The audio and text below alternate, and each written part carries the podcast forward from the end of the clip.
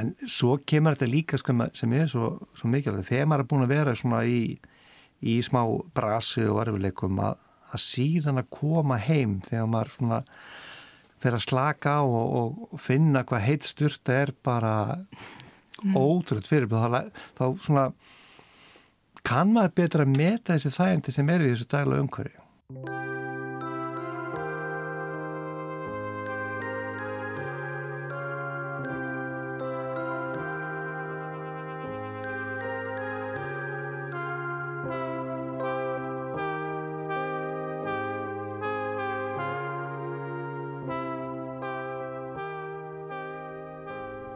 Hér heyru við í Helga Grímsinni en honum kynustu betur síðar í þætti dagsens.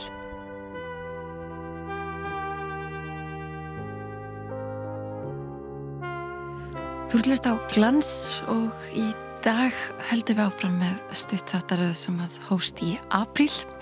Við förum með lustandur á tímaflag.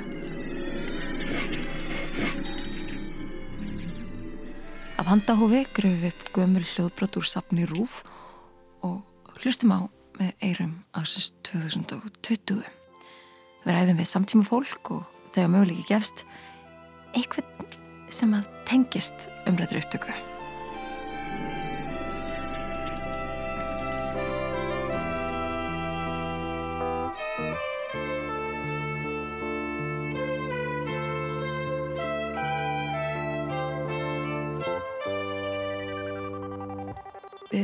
Flögum fram og tilbaka, hingað að þangað veltum fyrir okkur því stóra í blandu það smáa, rifjum upp misáhrifaríka atbyrði, horfin og óhorfin æfiskeið, sögur sem að snertu marga eiginu, sem á persónlega sögur sem að snertu aðeins fáa.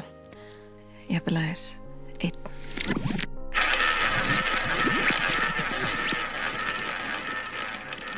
En nú erum við rúllettur hljóð og það þýðir að nú hef ég við tímaflag dagsins. And curiosity often leads to trouble.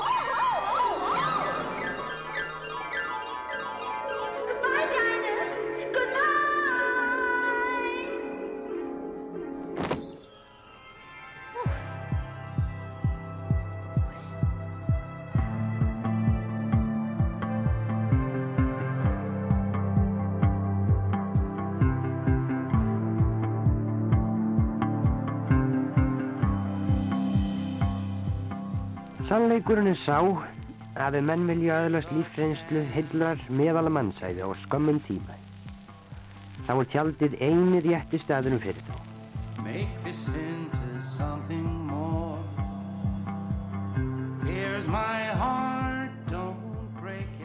Hér heyrum við í Gíslajóð Ástórsinni, bladamanni, teknara, rittstjóra og ritthaundi. Árið 1948 fluttan erindi um tjaldútilegur í þættinum Heyrt og Séð. Hann kynnti það svolítið skemmtilega inn. Þátturinn Heyrt og Séð kann að vera skrítinu vettfangur til að tala um vist ógæfu samra manna í tjaldi. En þátturinn Heyrt og Séð er líka skrítin þáttur og þeir sem komað hafa fram í honum hafa lagt leið sín á hennar fyrðulegustu stað.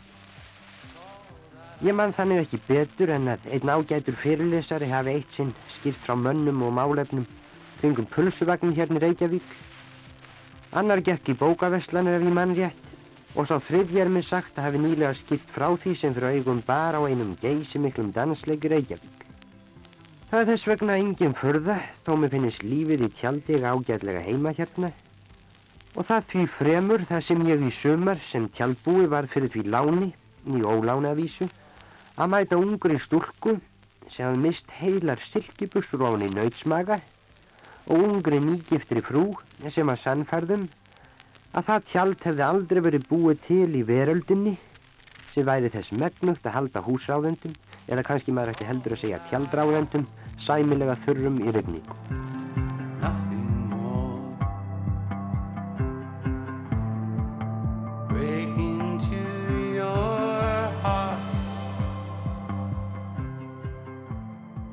Eins og heyrist eru gæði þessa gamla hljóðbróts af lagar í kantinum en það er þetta upptaka frá 1948 eins og áður hefur komið fram. En efni þáttarins í dag eru tjaldútilegur í íslenskri náttúru. Nú er í tíð sumar útilega á enda kominn og þá spursmál hvernig ferðalangar líta tilbaka yfir farnar tjaldútilegur voru þar jafn ljúvar og þær myndir sem hugurinn málaði áður en að af stað var haldið. Var Íslandst veðufar vingjallegt eða kannski óvinnveitt og fjandsamlegt eins og það kannstundum að vera. Aðgefnu tilöfni skoðum við nánar í dag hvaða fyrirbæri tjaldútilegur eru og við byrjum á áðurnemndri umfyllun Gísla Ástórssonar Unga stúlkan sem að misti heilar silkibuksur og hann í nautsmaga kemur nána við hann hér innan skams og sömulegis unga nýgifta frúin sem að var sannfærðum að það tjald hefði aldrei verið búið til í veröldinni sem er þess megnugt að halda tjaldráðandum sæmilega þurrum í regningu. Gísli Ástafsson kynnti hvers vegna hann væri með hugan við umrætt efni í byrjun erindisins. Síðastliði vor sagðu blöðin hérna í Reykjavík frá ungum englending og hvernig hann meðal annars ætlaði að ganga á vatnajökul og hvernig hann komst við illan leik niður á næburholtið undir heklu og sagði sína farir ekki sléttir. Það var engum blöðum um það að fletta að ógjafan hafði eld hennan unga englending og eitt af því sem hann sagði frá var hvernig prímusinn hans hafði sprungið í höndunum á honum þegar hann ætlaði að fara að hita sér tésopa þarna upp í óbyðum. Ég var fullur meðengunar því ég las frásögn Jökulfæras. Ég vorkendi honum innilega og það lág við að ég viknaði þegar ég huganum fór yfir raunasögu hans og sá hann í anda með sundur, sundursprungin prímusinn í höndunum.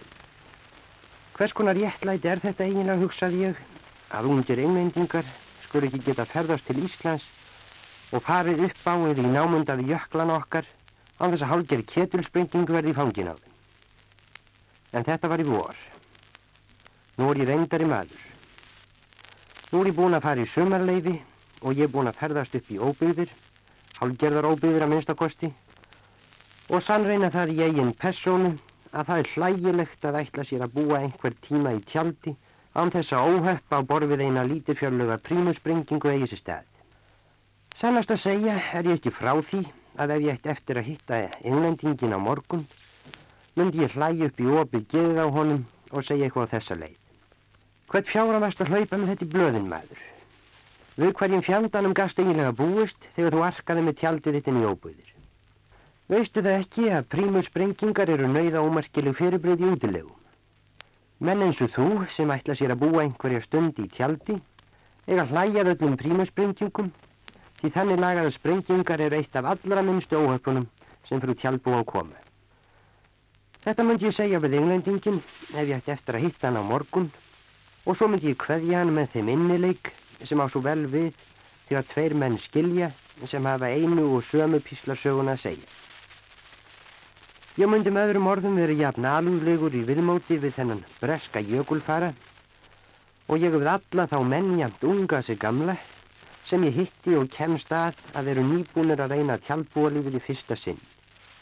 Því eins ég sagði rétt áðan er ég nú sjálfur og í fyrsta skipti búin að reyna allar skuggalheðar tjaldvistarinnar. Ég tel ekki með nokkra skindiferðir á skólárunum og ég er ekki nokkrum vafa um að menn sem fara í raunverulega fyrsta floss útilegu í fyrsta skipti þurfa á öllum þeim vingjarlega halda sem veruldur geti veikt þeim fyrstu vikunar eða jafnvel mánuðina eftir þeir koma úr útilegun. Ef ég ætti að gefa út reglugerðum framkomu almennins við svona menn myndi ég leggja megin áherslu á hlýlegt viðmót, mikla samúð og djúpan stilning.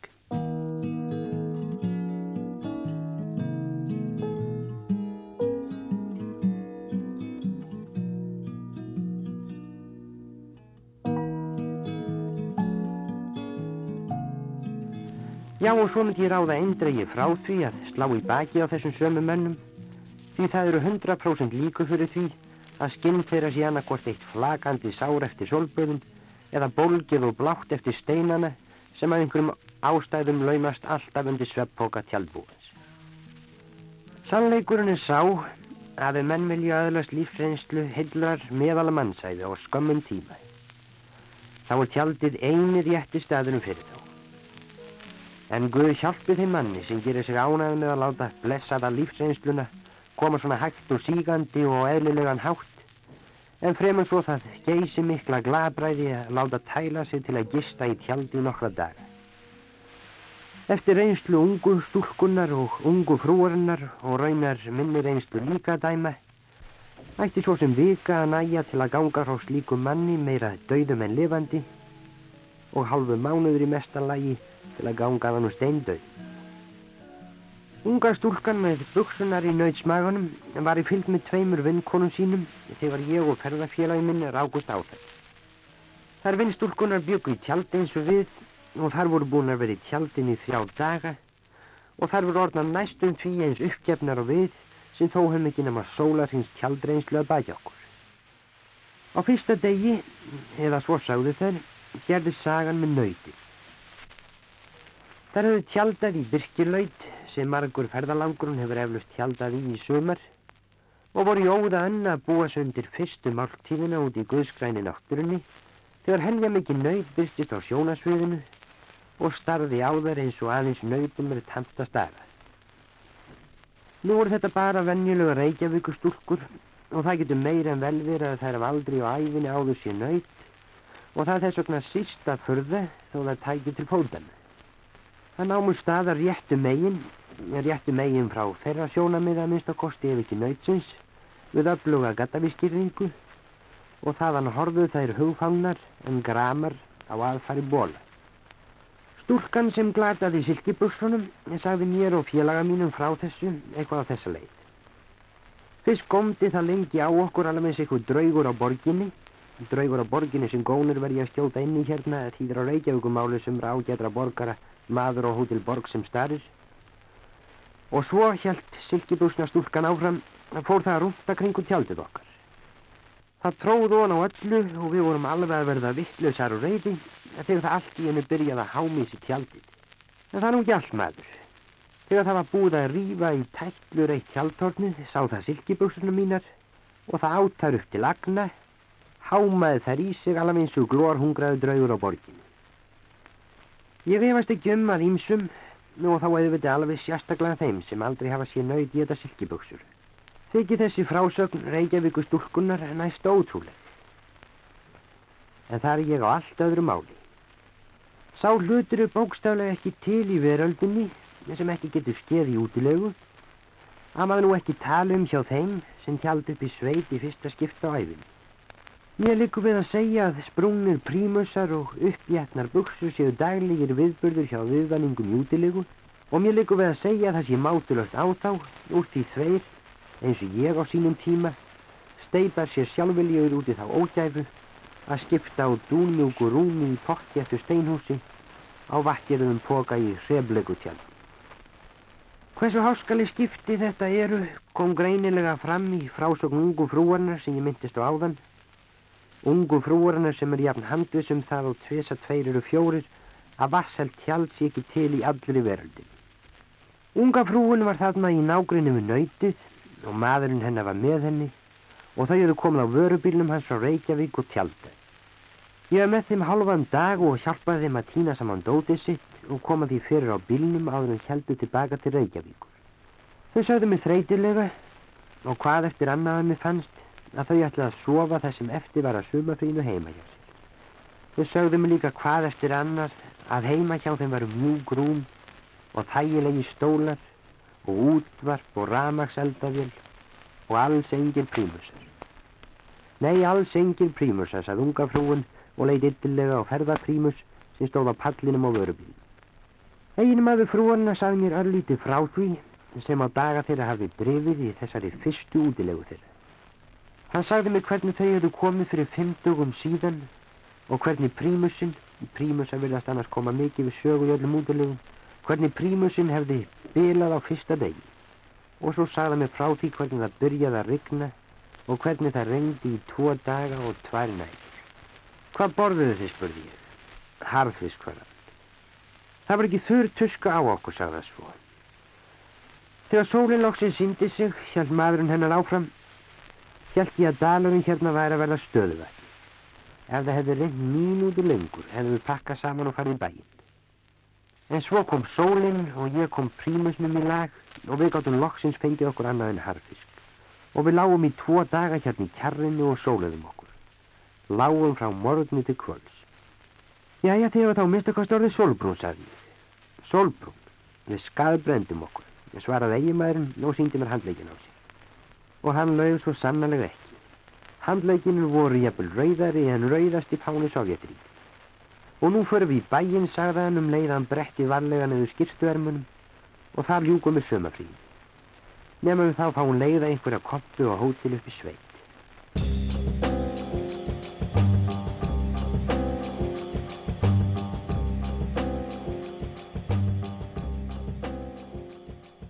Unga nýgiftaparið verist að verið afar vonsvikið með sumafríði tjald útilegu þarna fyrir miðbygg síðustu aldar.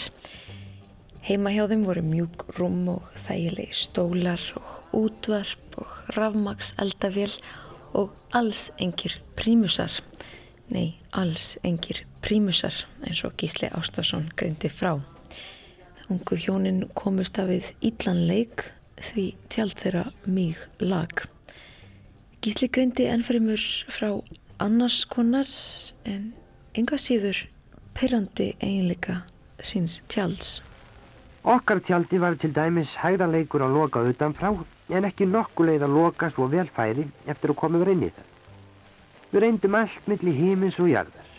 Við reyndum að tegja hendurnar út fyrir og binda saman utanfrá alla lausa end og snúru sem við náum til. Við reyndum meira að segja að reyra tjaldirnar fastar við dýra súlum. Ekkert dög. Það var ekki fyrir seint og síðar meir að mér og ferðarfélaga mínum dætt það snjallrað í hug að standa fyrir utan tjaldið meðan við lokuðum því, losa svo eitt hælinn á hlið þess og skrýða undir tjaldskörun. En tjaldið okkar hafi fleiri bröð í tjaldhorninu.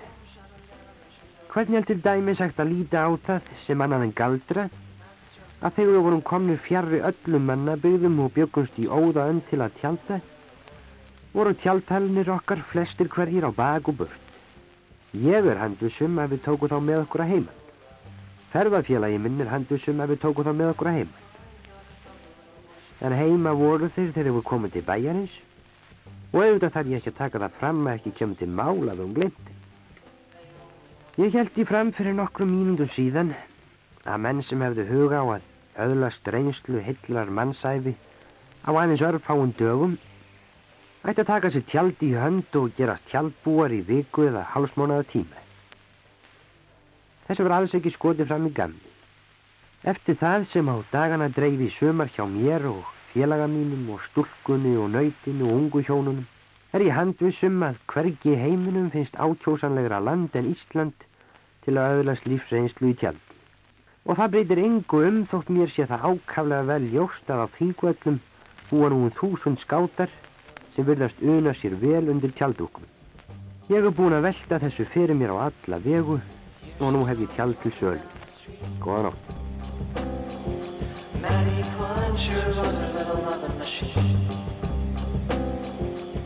Sometimes he holds her hand too tight Ooh, but that's alright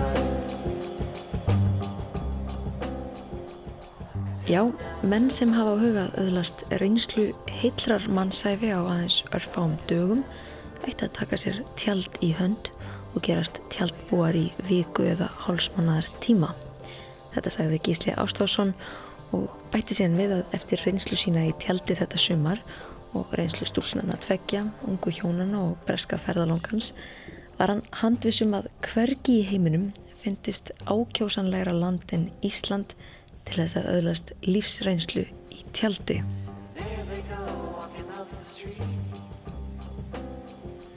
Ég rætti við konu sem að hefur kynnt sér tjaldútilegur og eðlið þeirra ansi vel. Ég heiti Guðnjós Guðnadóttir og er þjóðfræðingur. Ég er í hægnýtri þjóðfræði í framhaldsnámi og ég skrifaði lokaverkefni mitt um útilegur og fókusaði svona á tjaldferðalög í því og bæði um sögu útilega og sem sagt hver tilgangur þeirra væri. Aður með byrjum, hvað kom til þess að, að þú skoðaðir þetta efni? Ég var svona doldið vandræði með að finna eitthvað sem ég hefði áhuga á að skoða og hérna svo var ég bara orðin svo rosalega spennt fyrir sumrinu og maður er alltaf að tala um að maður er frekar að velja eitthvað sem maður hlakkar til heldur en að velja mitt eitthvað fyrir jólinn sko og svo er jólinn búinn þannig að já, ég ákveði að dempa mér í eitthvað frekar tengt sumrinu og ég hef alltaf haft mjög gaman af útilegum. Og ég fari í útilegur síðan ég var barn. Og finnst það skemmtilegt og langaði svona aðeins að forvittnast meira hvað af hverju fólk stundaði þetta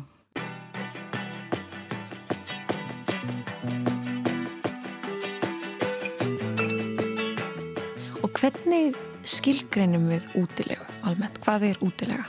Ég hugsa að fólk hafa nú kannski mismöndi skilgreiningar á þessu en í mínum huga þá er þetta í rauninni bara það að liggja úti hvort sem það er undir berum himni, í tjaldi eða einhvers konar ferðavagni og í rauninni bara það að fara í ferðalag utan heimilisins og já, liggja úti.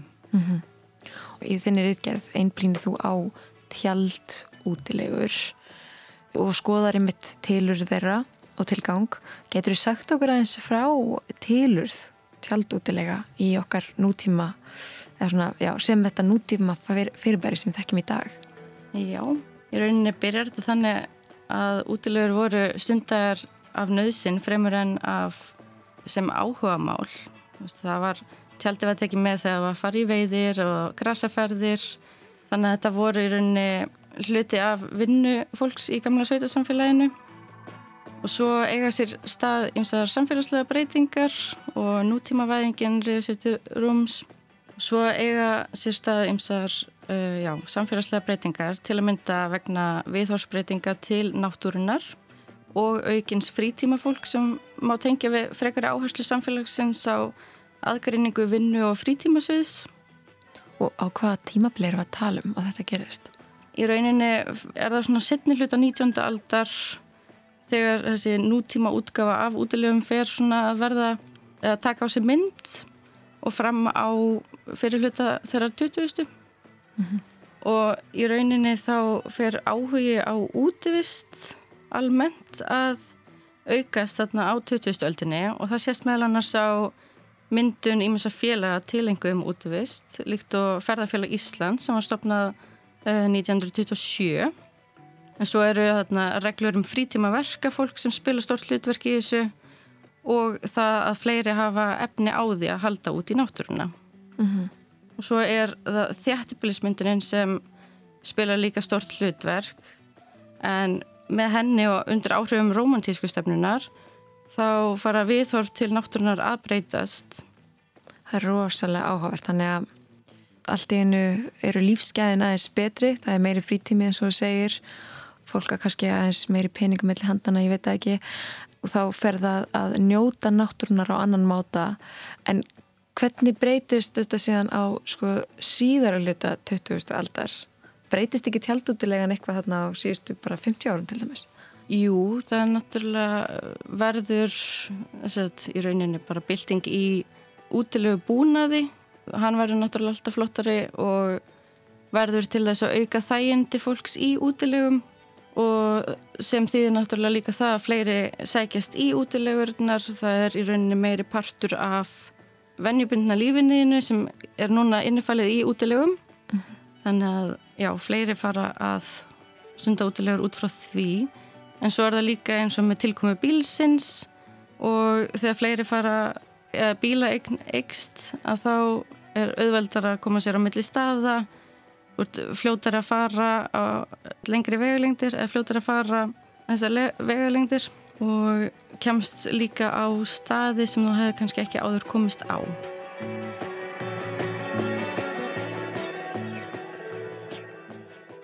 Því næst rætti við mann sem að er töluvert jákvæðari í garð útilega á tjálta en Gísli Ástásson var árið 1948 en það eins og Guðni Ósk kom inn á hér áðan hefur tjaldbúnaður þróast gífurlega síðan þá.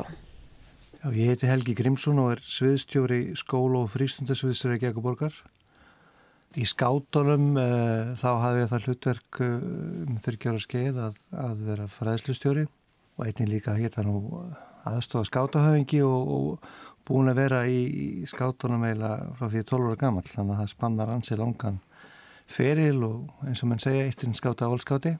Svo tók ég upp á því á, á miðjum aldri að, að gera sníliði í hjálparsett skáta í Garðabæi og var þar í nýlega þjálfunu tvö ár og, og tók svo við nýlega þjálfun eh, um nokkur ára skeið að ég gæti nú ekki beinlega sér að hoppa í útkvöld og annars því að ég var þá starfandi skólastjóri og það var svona betra að hafa verkefni að sem að ég geti meðlega minn reynslu og, og haft meiri stjórn á tímanum það sem ég var að leggja tilbaka til hjálparsættarinnar.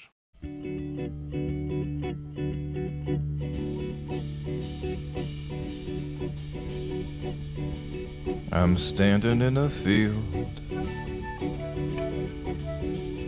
A field of questions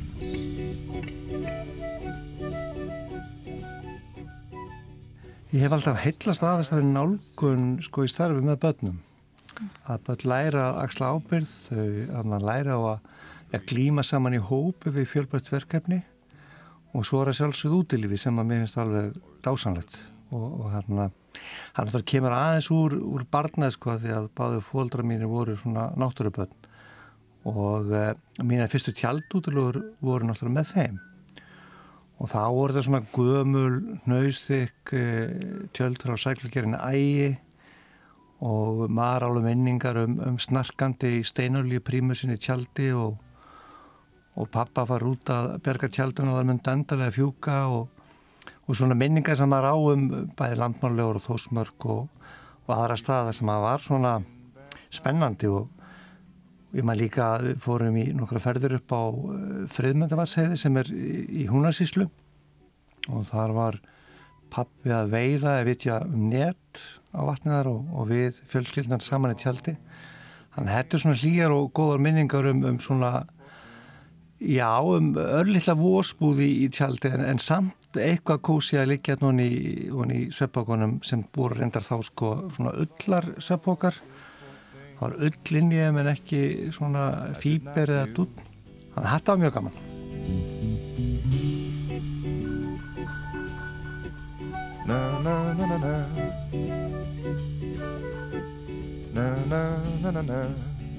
Hvernig finnst þér tjaldútilegan hafa breyst í gegnum árin frá því að þú mannst eftir þarna sem krakki?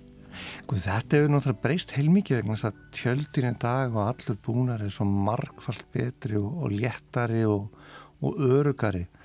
Ég var náttúrulega minningu hefna á unglingsárum þegar við fórum í tjaldútilu upp, að hengli á helliseginni og, og hérna, þá var ég með til dæru nýtt tjald, sko, ég fenn sko tjald í fermingakjöf og mamma starfaði þá sem saumakonna og, og hún, hún saumaði heiminin á tjaldið og það var úr svona afgöngum og bútum þannig að heiminin var mjög skröðlugur og sást mjög langt af þannig að ég gæti alltaf þekkt tjaldið mitt hversi ég fór hvort sem var risasvort skátamótið annað en við sem burðumst með þetta tjaldan uppið til og Hvað var að tala um þessi þungt? Hvað heldur þau? Þetta voru sko 10-12 kíló og svo var heiminin sko hann var svakalur. Og svo erstu með allan hinbúnaði? Já, já, já, já nestið og, og aukafötu hana. En þarna barum við upp, upp sleikibensgarðið og, og, og tjöldum inn í Instadal og að okkur fannst bara askvalli gott þarna tjálstæði. Svo byrjaði regnunóttina og við vöknum við það, sko, það var lækurunur að renna gegnum tjaldið. Þannig að þegar við séum börjus með tjaldið tilbaka það var svo klett þungt sko, ég hafði búið það einn upp sko en það var orðið þryggjaman að taka að bera tjaldið niður aftur. Þannig að e, maður þekkir svona hrakvarir í þessum sko þykku gömlu bómöldutjöldum en, en í dag þetta er, þetta er meira meina tjöld sem eru löflega, sérstaklega göngutjöldin. Þú getur verið með tjald sem er svona, já, 2-3 hámark 4 kíló og, eh, og duga fyrir þrjá, fjóra. Og eh, mjög örug auðvöldi uppsetningu og, og það er tjöld sem þóla gríðarlega mikil vind. Þannig að, að það hafa verið mikla framfærir í, í gerða á tjöldum. Og persónulega ég kýs alltaf að vera í tjaldi og skil ítla þessar sem eru með þessa skuldahala í eftirdrægi, hjólísi og, og felli í svona og ef maður kemur í skaftafell á, á tjaldi alltaf hjá útlendingunum. Það er svona, svona tjaldstemning sem ég er mjög hrifin af og, og... og hver er munun fyrir þig? að vera í tjaldi og vera sérn í fellihísi þegar greinilega finnst mikill munur þar á Já, ég, það, það er mikill munur þar á og, og, og mér finnst bara hreinlega sko það að vera í tjaldi það er bara nær jörðinu, maður nær náttúrunni og maður er ekki komin í eitthvað svona hálgildningshús á hjólum með öllum þeim þægendur sem það eru. Mér finnst, mér finnst gaman að, að þurfa að, að hafa fyrir hlutunum þegar maður er komin í tjaldið að bóra og og það mausa elda og vaska upp og, og gera allt sem maður þarf að gera sem manneski að skilja út í náttúrinu þannig að Og þetta er mjög ólíkt heimilislífiðinu. Já, ég, ég vil fá þann breytileika. Ég vil fá sko þessa upplöfuna að, að, að finna fyrir þrengslunum og, og, og svona þessi mínumenniska lífstil sem maður þarf að, að hafa í, í tjaldi. Og þegar maður er komið með bakbókan og, og tjaldið og nestið og dínuna og sveppbókan og allt þetta þegar maður er orðin svona eins og sníillin sem er með allt húsið með sér sko á bakinu mér finnst það stórkoslega heillandi. Og þá þarf maður að fara að hugsa sko er þetta nöðsöldi eða ekki get ég komist af í tjaldlífuna á þess að hafa þetta í, í tvo daga.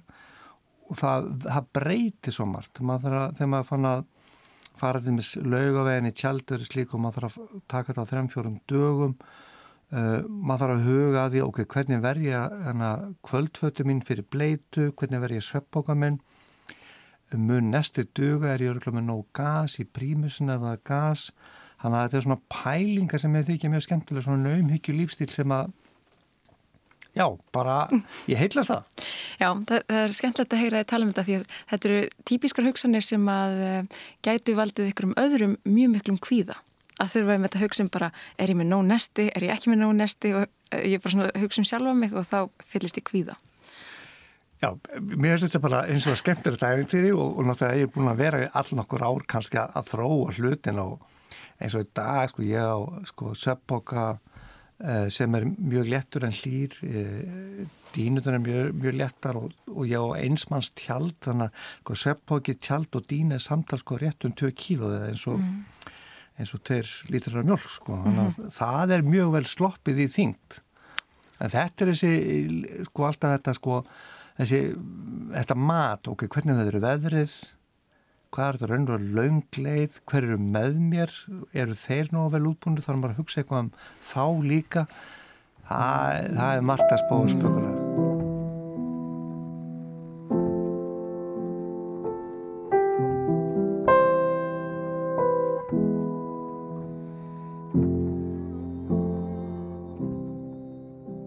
og þú rannsakar einni hvernig fólk stundar útilegur mm -hmm. og hver tilgangur þeirra sé þá að hverju komstu í þinni rannsókn?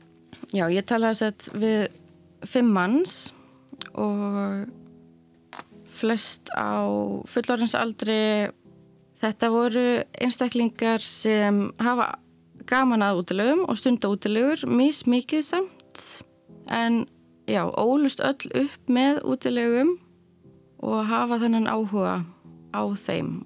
Hver fannst þér tilgangur útilega almennt vera eða af hverju var fólk, hver var drivkrafturinn á bakvið það að fara í tjaldutlega? Það voru svona þrjú megin þemu sem ég greindi og það var í fyrsta lagi samveran sem var greiðlega mikilvæg og fyrir sömum jáfnvel forsendan fyrir útilegunum og í útilegum fannst þeim þau eiga í rauninni sagt, öðruvísi samveru með fjölskyldu og vinnum og dýbri samskipti og jáfnvel betri. Það gefst tækifæri til þess að til dæmis kenna börnunum um náttúruna, tala um aðra hluti sem er ekki rætt um heimaferir og svona aðeins fjarlæga sig þessari hverstags, hverstagslífinu. Veistu af hverju það er notabene? Hefur þið gert þér svona einhverja hugmyndir um það, hvað það geti verið? Já, mín tilgáta var svo að það væri að miklu leiti til vegna þess að utan aðkomandi áreiti er minna, símanótkunnin er mögulega minni, það er ekki verið að hanga í tölfunni til dæmis og ég held að það hafi bara mjög mikil áhrif á, á samskiptin mm, mm. á millifólks og það líka að það er engin að fara neitt, þarna eru bara allir kominir saman. Mm, Ymmiðt að fara að gista saman. -hmm. Já og svo annað þema sem ég greindi var útivistinn og bara tvölinn í náttúrinni almennt sem tengist að sjálfsög inn á hinn þemun sem ég greindi. Það eru sum, sumir viðmælenda sem fara í útilegur sérstaklega vegna útivistarinnar er að fara á hvernig staði til þess að fara í fjallgöngur eða sérstakar ferðir. Sem þú getur annars ekki nálgast nema með þá að gist í tjaldi. Já. Mhm. sumir. Og það tengdist líka inn á til dæmis val á dvalarstað. Það voru þá sumir sem vildu frekar fara á afskektari stað, staði heldur en að vera á þessum típisku fjölskylduvænu tjálstæðum verið meira einrúmi. Já. Og þriðja þema sem ég greindi var það að einfalda lífið. Þeim uh, mörgum viðmælindum fannst útilegur vera góð leið til þess raunin að fjarlæga sig hverstagslu amstri, skildum sem tengjast vinnu þeirra og heimilislífi. Og náttúrun er í rauninni stilt upp sem eins konar andstæði borgarlífsins. Hún er greiðarstæður þar sem tækifæri gefst til að fjarlæga sig hverstagslu amstri. Og fyrir sögum jáfnvel að þá er nálaðin við náttúruna eins konar afturkvarf til einfaldari tíma. Og fólk kemur heim endur nært eftir döluna í henni. Þetta var svona helsta sem þú greindir úr, úr um, þeim viðtölum sem þú tókst fyrir þessa rannsókn. Já.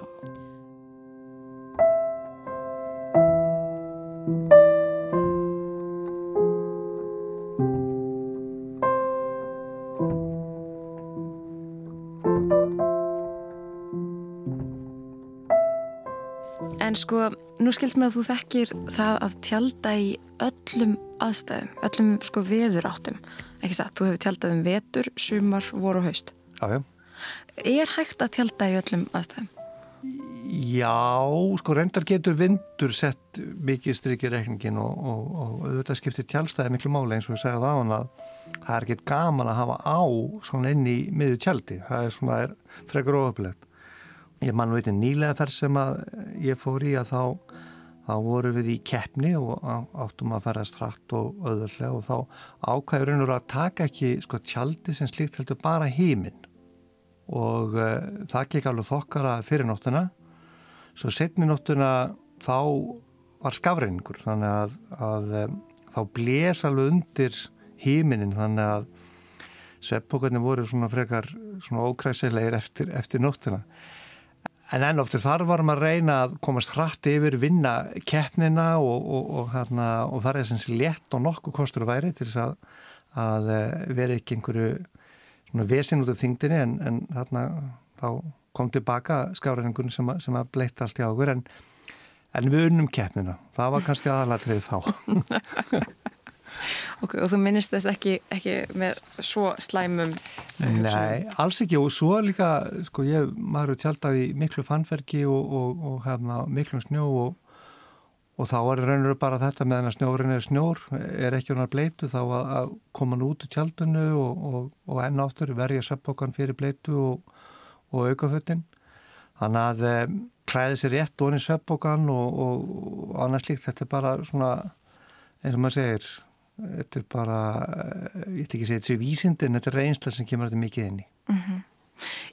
Finnst þér eins og Íslandingar almennt þurfi, þeir sem hafa kannski ekki reynslaf skátum eða björgunarsveit, finnst þér eins og að eh, þeir sem að læra betur að tjálta eða að fara í tjald útilegu? Já, ég held að sé öllum holdt sko að raunur að geta samsamansæði við þessar aðstöður þetta er kannski gamli skátunni vera allt viðbúinn og, og menna, maður veit aldrei hvaða vesin aðstæðmaður lendir en, en uh, það að geta svona, trappa sér svona niður í lífstíl og, og, og spyrja sér hvað þarf ég raunvöla á að halda, hvað er raunvöla nöðsilegt. Það minnst að vera svona hugsunagangur og lífstíl sem að sem flestur ættur að hafa prófað og tilenga sér. Þetta er voðalega notar að hafa nöystekka dýnur og hafa hýta inni og allt þetta en en hitt finnst mér gríðarlega heitlandi og, og mikilvægt fyrir fólk að kunna. Og ef þið hugsaður um bara það bara áðunauðsynlegasta í tjaldútilegu, hvað er það? Ég, það er dýnarsöpp í tjald. Ekkert meira? Matur?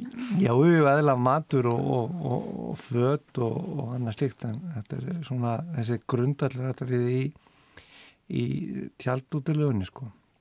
En svo farðan líka allt eftir í hvernig umhverjur þetta fara hvaða faratalmar á leiðinni eða menna, þú vart að eins og einhver hafi gert að lappa þverst yfir Ísland menna, þú vart að uh, kunna árnar þú, hvort þú þurfa að fara upp á jökul til að losna við einhverja jökul á það eru marga svona pælingur spekulasjónu sem þarf að fara í gegnum og það er náttúrulega kallar á mikið skipulega og, og þekkingu á landun og lesa aðstæður þannig að það fara allt vel að því að mann er nú faran til þess að njóta en En svo kemur þetta líka sko, sem er svo, sko, svo mikilvægt. Þegar maður er búin að vera svona í, í smá brasi og erfileikum að, að síðan að koma heim þegar maður svona fer að slaka á og, og finna hvað heitt styrta er bara mm. ótrútt fyrir. Þá, þá svona kann maður betra að meta þessi þægindi sem eru í þessu dagla umhverju. I was following the eye, was following the eye, was following the eye, was following the eye, was following Hvað er það sem þið finnst svona skemmtilegt við tjaldútlegur og gist í tjaldi? Mér finnst rúslega gott að komast bara út úr borginni og í náttúruna fá tækifæri til þess að slaka á og ég persónulega er hrifnar af því að vera á fámennari stöðum og bara eins og þessi þemi sem ég var að greina, ég fann rosa mikið, ég tengi mjög mikið við þau og mér finnst til að mynda samskiptin við ferðarfélagan að vera rosalega góð og ég nýtt þeirra mjög mikið mm -hmm. sem á þess að innfalda lífið og vera bara út í náttúrunni og aðeins fjarlæga sig svona eins og hverstags lífi. Hvernig er tjaldútlega hjá þér? Hvað, hvað gerur? Hvernig, hvernig er hefbundin dagur í tjaldútlegu? Dagurinn er voða rólegur hjá mér. Það er svona fer líka kannski aðeins eftir veðrinu.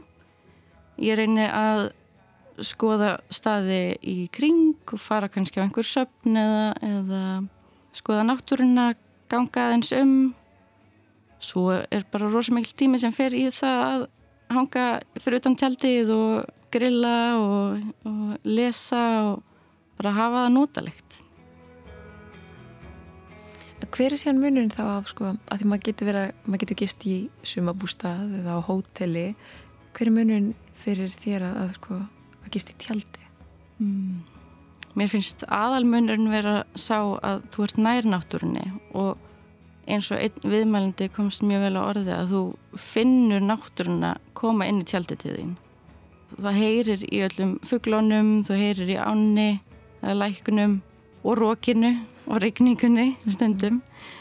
Stundu finnum við líka bara bókstaflega grasið stingast Akkurat. og hausin Og það er, já, mér finnst það mjög notalegt að vera svona nálagt náttúrunni To keep their little heads from falling in the snow. And I turn around and there you go. And Michael you would fall and turn the white snow red as strawberries in summertime. Fyrirbæri tjaldsins. Hversu vænt þykir þér um tjaldið? Þannig að þekkir þú tjaldið og það vel. Sko, ég meni ég á fjögur tjald í dag. Já. og, og hérna og fyrsta tjaldi eignast ég því ég fermtist og, og hef alltaf átt tvö, þrjú tjöld allæfi þannig að ég líti á þetta sem sko mikla fastegn sem þurfa að gæta vel og hugsa vel um, þurka vel millir notkonar og viðra og ef einhver sögnspreti kemur að skipti miklu máli að, að láta gera þennar strax svo að tjaldið skemmast ekki. Þetta er svona hlutur sem ég virkilega passa vel upp á og, og, og vil helst ekki lána.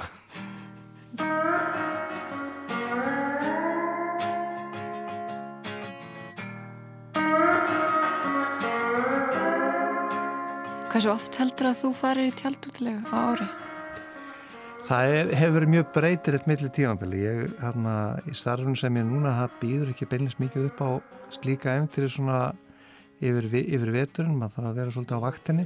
En alltaf á hverju sumri 2-3-4 tjaldferðalög. Og e, svo náttúrulega þessum tímbæri sem var hjálparsettin þá var þá voru svona yfir veturinn svona fjóra-fimm tjaldútilegur og e, þannig að já þetta verður svona breytil gegnum svona, svona lífslöpið fram að þessu. Og hvernig fórstu síðast í tjaldútilegu? Það var í sumar Og hvert, hvert fórstu það var, í, var? það var nú ekkert flókið, það var bara fjölskylduferði í, hérna, í, í Skorradal. Og uh, í fína eh, lavu tjaldinu mín, það er hérna tjald sem tekur með af um, tjaldgerð sama í, í norðu Skandinavíu. Og það er uh, svona ein miðjusúla. Tjaldlega eins og menn kannski þekkjur úr, úr indjánamyndum en, en þarna, þarna er útugsa tjald. Það er hérna það, það er þetta lok algjör út allt sem í mý bara út af því hvað er mikið af, af mý hérna í norður Nóri og Svíð og Finnlandi. Og e, það er þannig gert að það er þetta kveikja eld inn í tjaldinu. Það er þetta svona, svona setja svona gati í botnin og, og opna vel í miðjunni þannig að reykur hans líkt streymur upp en þeir hafa hanna þetta tjald þannig að það, það er fyrir allar ásatýr árs, ástýr Fyrir allar og ásatýr líka og, og hann og hægt að kveikja eldi ef, ef, ef maður er í þannig aðstæðum. Er ekki gaman að kveikja eld inn í tjaldi? Ertu mikið að elda þá inn í? Nei, það er sko, sko ég hef sko ég það kemur þetta heil mikið lykt af, af reiknum þannig að ég hef ekki mikið gert þetta en hef prófað og það, maður getur keift sko með tjaldunum svo einstakar hólk sko sem að, sem að raunveru eldar inni mm. þannig að það heldur mjög vel auðvitað, þetta er ekkit opin eldur óheftur á, á, á jörðinni heldur er þetta svona í, í, í brennara sem að maður setur viðin honni og, og kveikir í og, og það kom mér á óvart hvaða heitnaði gríðarlega mikið í tjaldunum þannig ég sé alveg fyrir mig sko eins og að, að vera í skólendi og, og og hafa aðgangað eldi við og, og kveiki upp eldi í, í tjaldinu. Það svona orðni vel á, á vetrar nóttum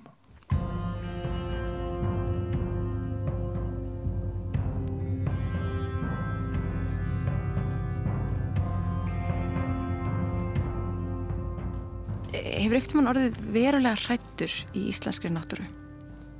Nei, og sem ég reykur eiginlega ekki minni til þess Sko ég er stundum að glíma með smá loftræðslu og þetta getur maður verið í, ef maður hefur verið einhverjum klettum og slíku verið svona, svona í, hvað, í hvað er komið núna eiginlega. En maður reyndi mjög margt sko í, í, í hjálparsettinni, bæði í ísklifri og, og, og, hérna, að, og vera flækist í klettum og vaða yfir jökulóra og slíkt. Nei, ég get ekki sagt ég að vera verulega hrættur en, en kannski bara fer ég varlega þannig að ég get komin í óðmikið vesen. Mm -hmm, ég skilði. En nú hlustaði þú á gamla hljóðbrotið. Já. Pistil Gísla Ástórssonar um, um lífið í tjaldi. Tengdur eitthvað við það sem hann var að segja? Já, ég tengdi alveg við sko, sko bæði kuldan í, sko, í vetraferð. Ég tengdi alveg við sko þetta með prímusinn. Ég man alveg eftir sko prímusinn og pappa. Það var oft heilmikið vesna að kveiki upp í honum og, og ná sko rétt um hít á hausina áður en að steinolíðan var látið fara á, á hausin til að ná öllu svona réttu að stundum laka eins ólíðan og það var mikið stress hvort það myndi kvikni henni inn í tjaldinu. Þannig að steinolíu prímusöndin voru heilmikið bras en, en afbras hítar er þau voru læg þannig að ég tengi alveg við það en uh, svo líka sólbrunir það er náttúrulega, maður er náttúrulega verið á, á nokkur landsmátum skáta og, og, og eins og sólar þýstir íslitingar gera ef það kemur loksum sóla þá er menn að bada sig af alefli og þurft að kæla sig með, með þvottabókum og, og hangklæðum til þess að, að ná niður hitastíðin í húðinni mm. þannig að ég tengi alveg við þessa lýsingu í, í, í hérna, tjaldverðin til til forna að maður getur orðað þannig. En hvað með það, já það var svolítið skemmtileg setning sem hann endur tekur það er að, að ef, ef menn vilja öðlast heila mannsæfi á uh, tveimu vikum þá er það að fara í tjaldútilegu á Íslandi. Er það eitthvað sem að þú tengir við? Já, það, það kemur að þessu sem ég sko raun og vera að minnast á þann að, að maður lærir að þekkja sjálfum sig, manns eigin mörg, hvað er þægilegt, hvað er óþægilegt og eða hvað er óþægilegt, hvað gerir í því þess að losna við það. Og mér finnst það vera alveg hárétt, sko, að því það, það þarf líka sko að hugsa, það þarf svolítið langan tíma. Menn getur komist í gegnum nánast hvað sem er á, á tvenntugum, með þóla bleitun og annars líkt á tvenntugum, en ef þú komin í halvamánuð, mm -hmm. þá fer virkilega að reyna á og, og maður nú haldið allir nokkuð skátanámskið og og eitt námskeið var að, að eh, þjálfa ungmennin í að raun og vera í viku í tjaldi og, og útbóð sér þá þau þægindi sem þar til þess að hafa það notarætt í tjaldi í viku. Og þá koma svona ymsar trágrunar og spýtur og hnútar og nýtingar til þess að búa til þau hægindi sem maður vill hafa í, í svo kvöldum tjaldbúðum. Eins og skátarnir hafa gert og við lærðum af af, eh, af breskum bókum sem að síndu hvernig þetta hafa sér í skói sem var svolítið nýtt fyrir Íslendinga. Og við þurftum að notast við svona innfluttar eh, trönur sem er notar að skreiða þurrkun til þess að æfa okkar á til þess að ná þessu trjástemningu því hér náttúrulega voru, voru trén svo sem ekki að há þegar að menn voru að uh, máta sig við þessar skátabækur frá Breilandi en, en þetta er líka ákveðinkunst að, að, að, að gera líf í flóknum aðstæðum bærilega. Þú talar um þín einn mörg sem þú hefur áttað á í tjaldútilegum en hefur þú séð eins og með nýliðum í skáta útilegum hefur séð sko hvernig það reynir á þólmörg fólks? Já, það gerir það og, og maður, bæði þólmörg fólks en það er líka þólmörg hópsins og það er aðalega ef það er fara að bjáta á ef það er eitthvað mikið af veðrunu Uh, ef einhver er, uh, hefur slasa snúið sig eða eitthvað annað slíkt og eitthvað breggsvarandi matseldina, eitthvað í búnanum að þá reynir heilmikið á einstaklinga og, og þar skiptir sér miklu máli hvernig hópur vinnur saman af því að leysa þetta verkefni, þetta vandamál mm -hmm. þess vegna er það að fara í tjaldútilegu, það er heilmikið hópefli og menn, menn læra mjög mikið af því